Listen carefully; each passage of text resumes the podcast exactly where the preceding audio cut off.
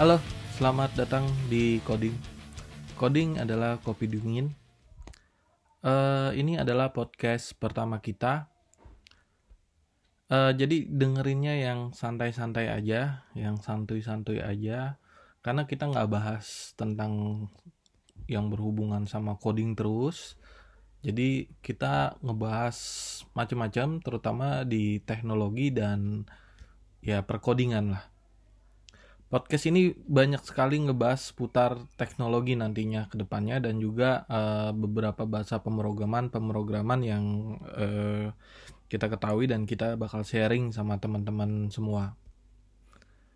Pertama, perkenalkan eh, nama gua Adi. Gua akan bagi pengalaman seputar eh, dengan coding yang selama ini eh, beberapa orang itu menganggap coding itu apa sih? Susah kayaknya. Atau ini orang IT banget. Atau ah programmer nih yang berhubungan sama coding coding kayaknya dia bahasanya bahasa mesin. Nggak bisa ngomong bahasa manusia kali. Nah kadang sampai sebegitunya orang.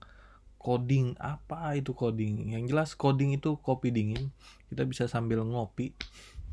Jadi nikmatin aja podcast ini. Gue akan bahas yang ringan-ringan pertama gue mau memperkenalkan apa itu coding sebenarnya. Coding itu bahasa pemrograman uh, istilahnya sintak atau kode pemrograman yang diketik pada editor lah istilahnya untuk menjadi sebuah fungsi uh, menjalankan perintah untuk bikin aplikasi. Jadi aplikasi itu kalau nggak ada skripnya atau sintaknya atau teks yang diinput yang ditulis itu itu nggak akan jalan. Nah, kayak nah sintak-sintak itu atau teks-teks itu itu disebut coding. Jadi singkatnya coding itu membuat kode suatu program atau menulis program pada bahasa pemrograman lah. Itu eh, secara singkatnya lah. Oke, terus dari mana belajar coding? Uh, kalau gua belajar coding pertama kali itu uh, gua udah dapet dari mulai di kampus. Mungkin zaman gua kuliah cuma ada di kampus kali ya. Sekarang sekarang ini malah udah anak SMA pun sudah belajar coding. Bahkan SMP gue denger udah ada yang belajar coding. Nah kebetulan waktu gua itu cuma di kampus. Nah di kampus pun ini hanya sebatas basic aja dia hanya pengenalan dari mulai logikanya algoritmanya dan bahasa pemrograman waktu itu yang gue pelajarin di kampus nggak banyak. C++ itu uh, dasar ya dan uh, HTML udah masuk ke arah web base itu masuk ke PHP kalau nggak salah waktu itu gue belajar. Dan juga Visual Basic masih Visual Basic 6 gue belajar. Terus masuk ke .NET nah dan seterusnya lah. Perkembangan kan bahasa pemrograman nggak cuma itu aja. Waktu zaman gue saat itu yang paling laku itu eh, aplikasi desktop. Jadi kalau gue bisa ngoding bikin aplikasi desktop nih wah udah keren banget tuh bro. Zaman dulu itu gue masih pakai VB6 asal bikin tinggal tarik tarik tarik jadi UI jadi form. Habis itu compile jadi file exe habis itu diinstal di komputer. Terus tampil deh tuh kan ada tombol tombolnya kayak gitu gitu nah itu udah keren banget dulu. Nah itu basicnya seperti itu. Dulu gue belajar uh, pem bahasa pemrogramannya Visual Basic saat itu. Terus masuk ke semester berapa gue diajarin uh, eh, HTML zaman zaman gue masih chatting chatting MIRC tuh udah mulai HTML tuh belajar tuh.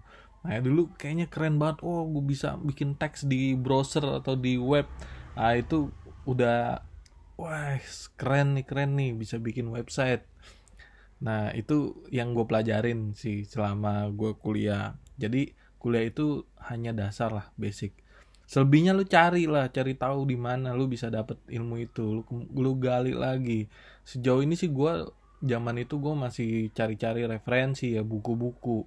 Bahkan uh, kadang gue ke warnet cuma buat uh, download ebook atau uh, cari referensi tentang aplikasi yang lagi gue mau kerjain atau gue mau coba sesuatu hal yang berhubungan dengan bahasa pemrograman let's say Visual Basic gitu. Nah gue cari tahu tuh kenapa ini begini harus mau bikin ini caranya gimana ya. Rata-rata literaturnya tuh bahasa Inggris bro. Jadi lu harus ngerti bahasa Inggris. Setidaknya sedikit-sedikit lah. Nggak usah harus pasif banget. Intinya lu bisa baca dan lu pelajarin. Nah itu jauh lebih lengkap bro. Daripada yang yang referensi dari Indonesia tuh dikit banget tapi kalau dari luar itu banyak banget. Nah itu yang bisa uh, lu pada gali deh gimana caranya biar bisa uh, dapat ilmu lebih. Ya itu yang gue lakukan uh, waktu gue kuliah. Terus apa sih dasarnya untuk uh, membuat coding apa tiba-tiba lu langsung harus ngetik coding wah gue belajar pemrograman buka coding juga jeger gitu kan. Nggak bisa begitu bro.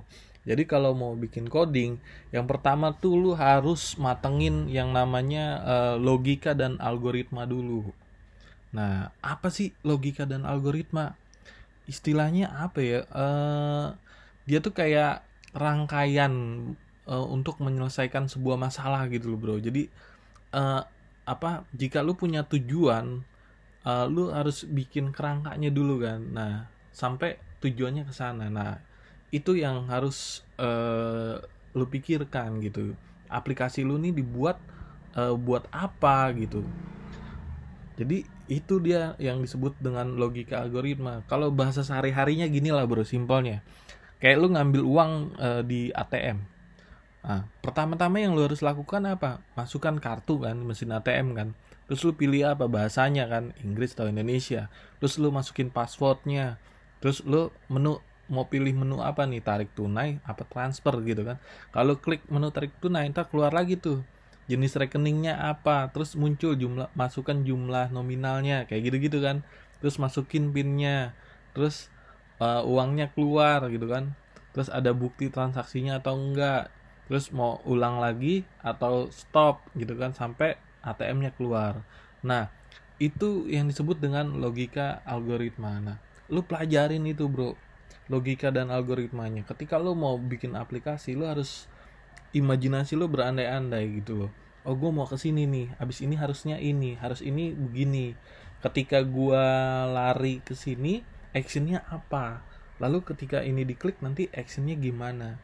Nah, itu lu matengin. Cara cara buat matengin logika dan algoritmanya ya lu bikin flowchart. Kayak sehari-hari lu bikin hari gue pagi-pagi bangun tidur mandi dan seterusnya. Jangan lupa menggosok gigi. Nah kurang lebih seperti itu yang yang yang bisa gue sharing tentang logika dan algoritma. Kalau itu semua udah dipelajari maka akan lebih mudah lagi dalam uh, belajar bahasa pemrograman. Jadi intinya tuh lu harus kuat di logika dan algoritmanya, bro. Nah, jadi sebelum membuat program, buat dulu lah logika dan algoritmanya dengan flowchart tadi seperti yang gue sampaikan. Tujuannya adalah untuk ngambil suatu keputusan untuk memberikan solusi lah pada satu masalah. Contoh ada case seperti ini, ini gimana nih gitu. Nah, lu harus bisa tuh bikin flowchartnya tuh biar jelas tujuan dari aplikasi ini mau dibuat seperti apa biar nggak langsung buat gitu aja. Jadi itu sih uh, sekilas uh, dari gua tentang uh, perkodingan ya. Jadi gua harap uh, teman-teman yang mau belajar coding atau yang mau jadi programmer atau uh, hanya untuk sekedar tahu apa itu coding ya lu bisa dengerin podcast gue terus dan gue akan terus sharing tentang teknologi dan coding. Oke, itu aja teman-teman. Salam kenal dari coding. Gue Adi. Izin pamit. Assalamualaikum warahmatullahi wabarakatuh.